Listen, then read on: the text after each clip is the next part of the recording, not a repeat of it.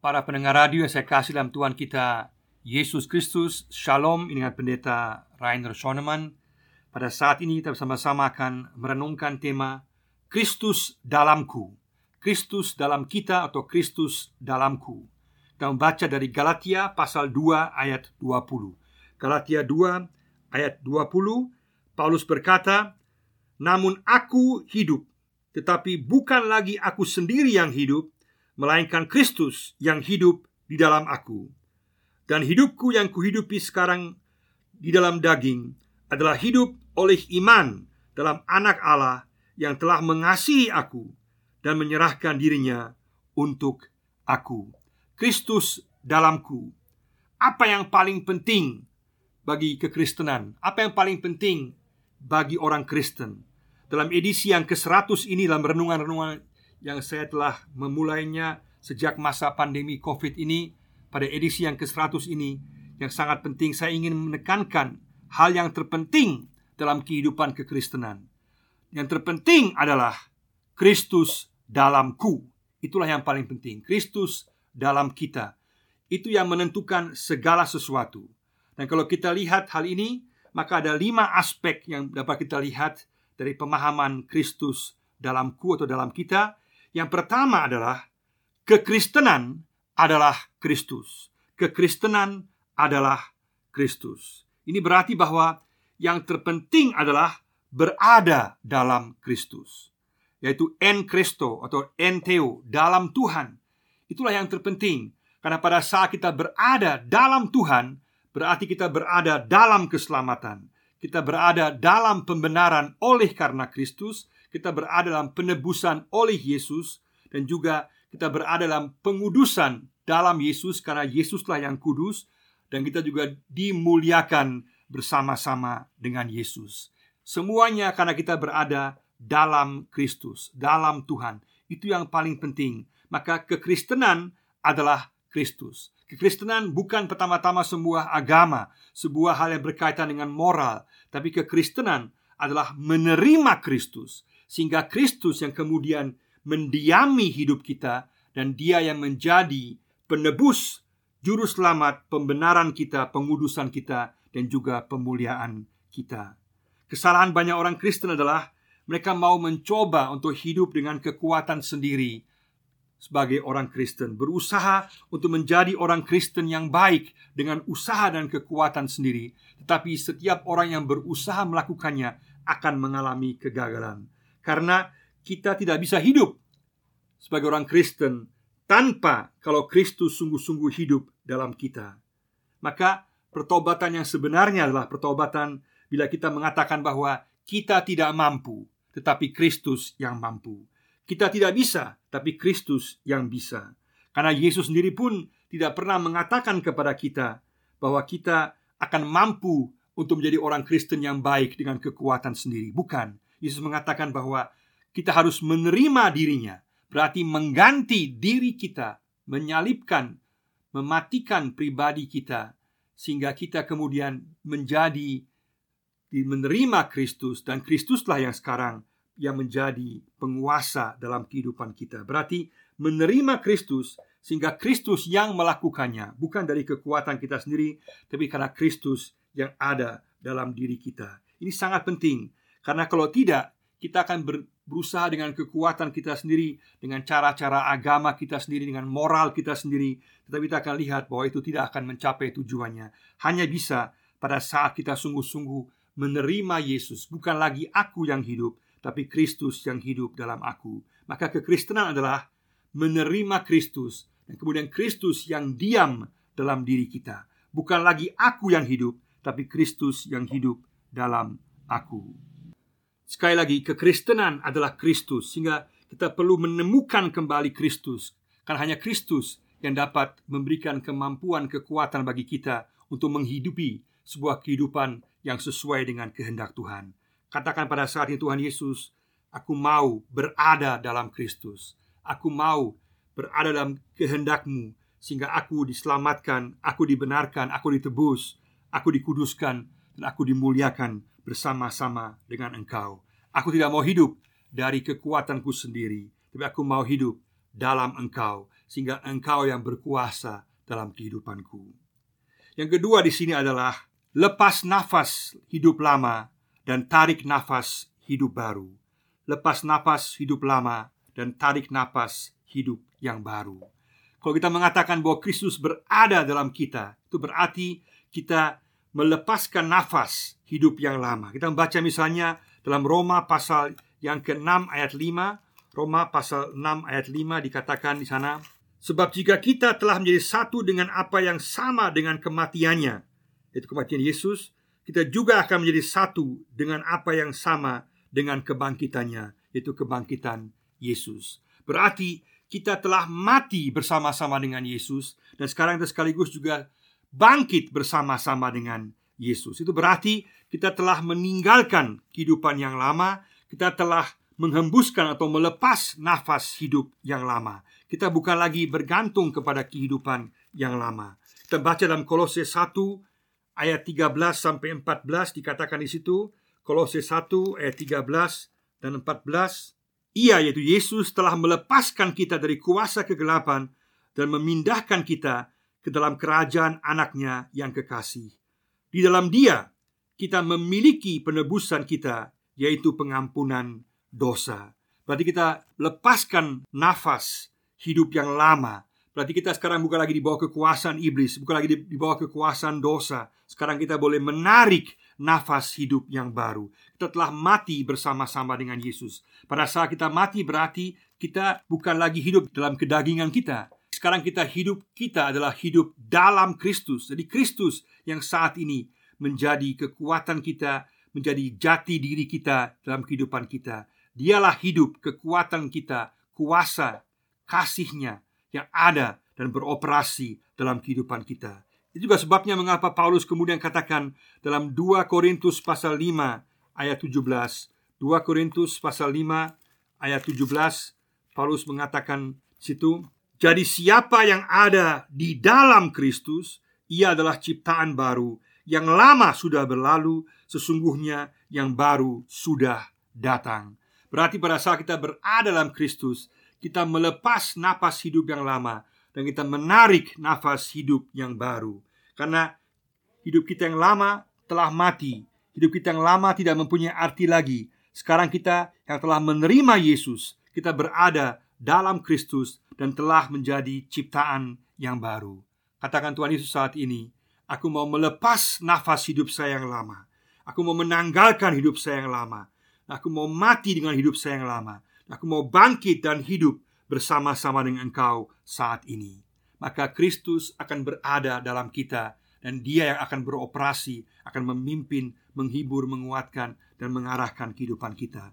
Karena Yesus bukan hanya saja mau supaya kita masuk ke sorga, kita dapatkan keselamatan kekal, tapi dia juga mau supaya dia memimpin kehidupan kita saat ini, supaya dia menjadi Tuhan dalam kehidupan kita saat ini, dalam mengarungi kehidupan kita pada saat ini. Katakan, Aku mau melepas nafas hidup yang lama dan aku mau menarik nafas hidup yang baru. Yang ketiga di sini yang sangat penting adalah kuasa energi Kristus dalamku. Kuasa atau energi Kristus dalamku sangat penting. Dalam Filipi pasal 4 ayat 13 dikatakan di situ, Filipi 4 ayat 13 dikatakan, segala perkara dapat kutanggung di dalam Dia yang memberi kekuatan kepadaku. Segala perkara dapat kutanggung di dalam Dia yang memberikan kekuatan kepadaku. Di sini menjadi sangat jelas bahwa Yesus bukan hanya mau supaya kita masuk surga, sekaligus Dia juga rindu dan Dia mau supaya kita mengalami kekuatannya, energinya, kuasanya hari demi hari. Dan Paulus katakan bahwa segala perkara dapat dia tanggung dalam kuasa Yesus yang diberikan kepadanya. Ini berarti bahwa setiap kali kita menghadapi berbagai masalah kehidupan kita yang juga sangat membahayakan kehidupan kita, kita boleh katakan bahwa ini bukan lagi masalah saya, inilah masalah Tuhan. Kita boleh menyerahkannya kepada Tuhan. Kita boleh yakin, boleh bersyukur mengatakan, "Tuhan, Engkaulah yang akan mengurus permasalahan ini. Engkau yang akan bertindak, Engkau yang akan campur tangan. Ini bukan lagi masalah saya. Saya mau, saya rindu supaya Yesus, Engkau yang mengambil alih." Engkau yang kemudian memberikan jalan keluar dalam masalah yang tengah saya hadapi. Dan kalau kita lakukan itu, maka kita akan mengalami damai sejahtera Allah. Sebagaimana dikatakan dalam Filipi pasal 4 ayat 7 bahwa damai sejahtera Allah yang melampaui segala pemikiran manusia akan menguasai kita.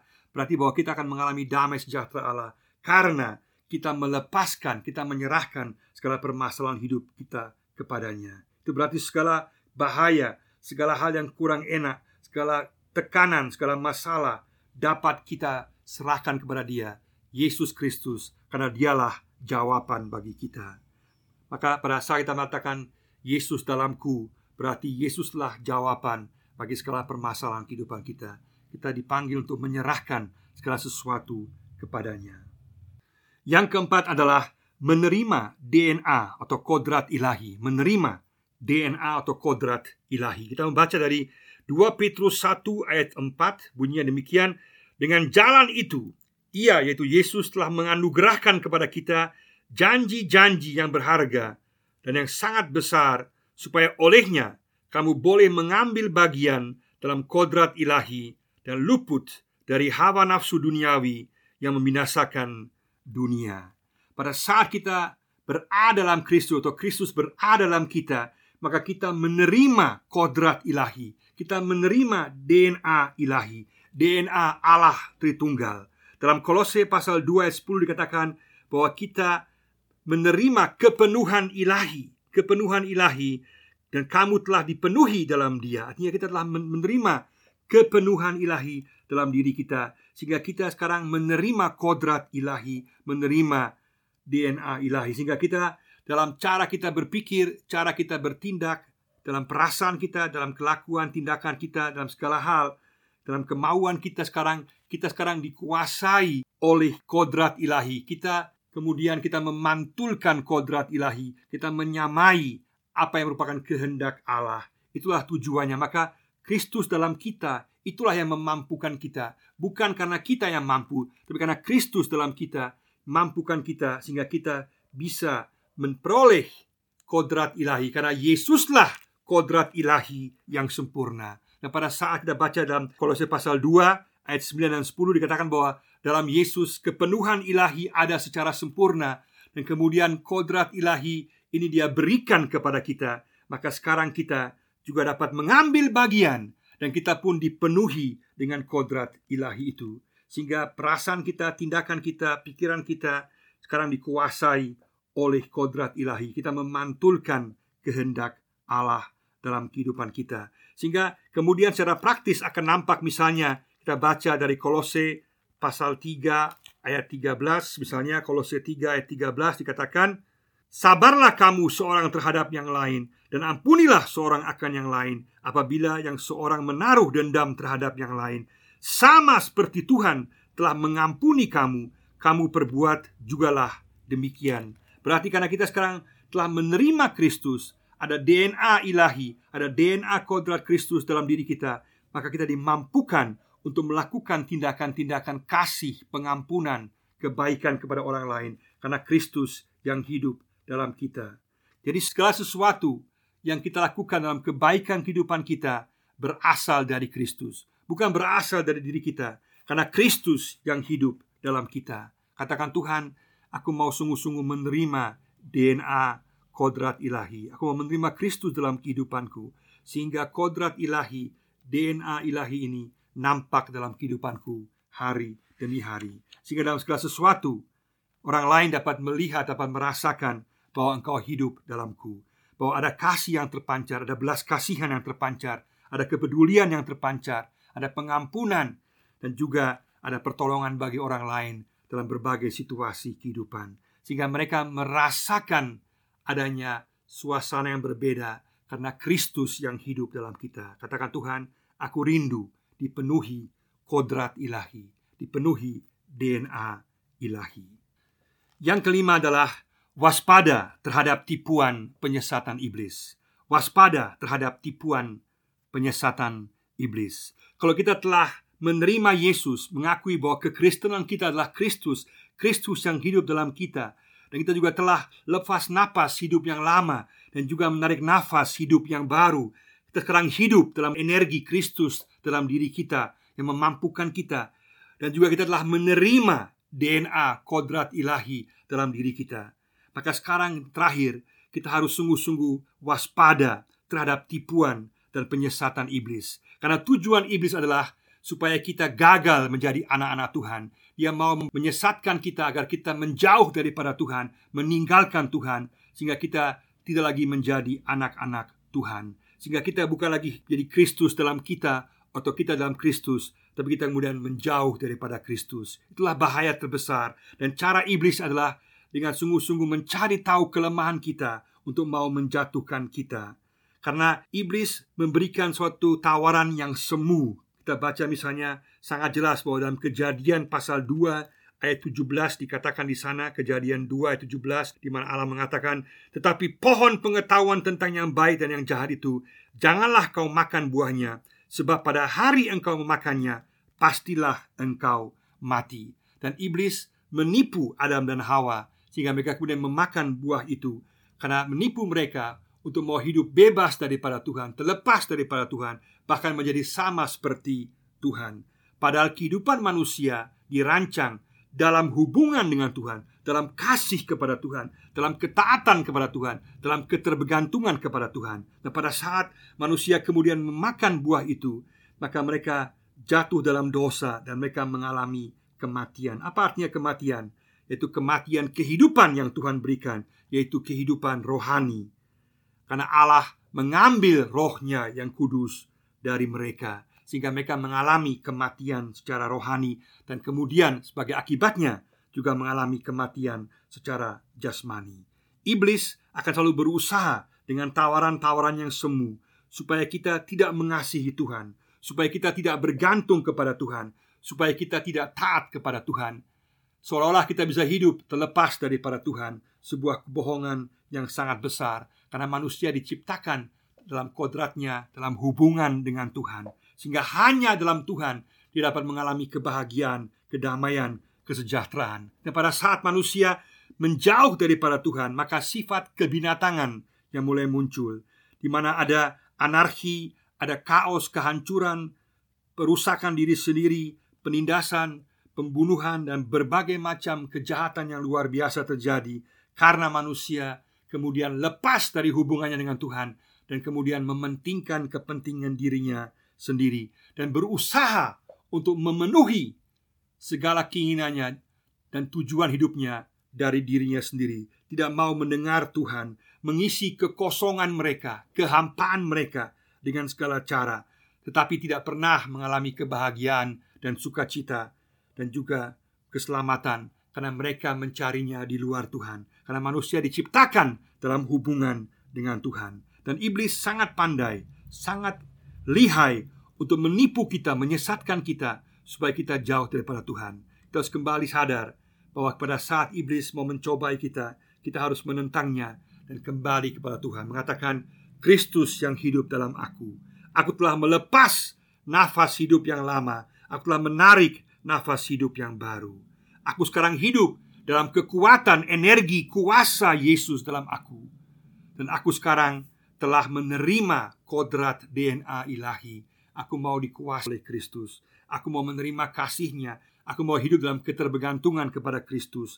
Aku mau sungguh-sungguh taat kepada Kristus. Sehingga dengan demikian Aku akan mengalami kebahagiaan, kedamaian, ketenangan, keselamatan dalam hubungan dengan Tuhan. Dalam Efesus pasal yang keempat ayat 17 sampai 18 Efesus 4 ayat 17 sampai 18 Paulus mengingatkan demikian. Sebab itu kukatakan dan kutegaskan ini kepadamu di dalam Tuhan. Jangan hidup lagi sama seperti orang-orang yang tidak mengenal Allah Dengan pikirannya yang sia-sia Dan pengertiannya yang gelap Jauh dari hidup persekutuan dengan Allah Karena kebodohan yang ada di dalam mereka Dan karena kedegilan hati mereka Mari sama-sama kita mewaspadai segala jenis tipuan penyesatan iblis yang menjauhkan diri kita daripada Yesus. Katakan, kita mau Kristus engkau hidup dalamku. Kita mau menyadari bahwa kekristenanku adalah Kristus, bukan karena aku, tapi karena Kristus yang hidup dalam aku.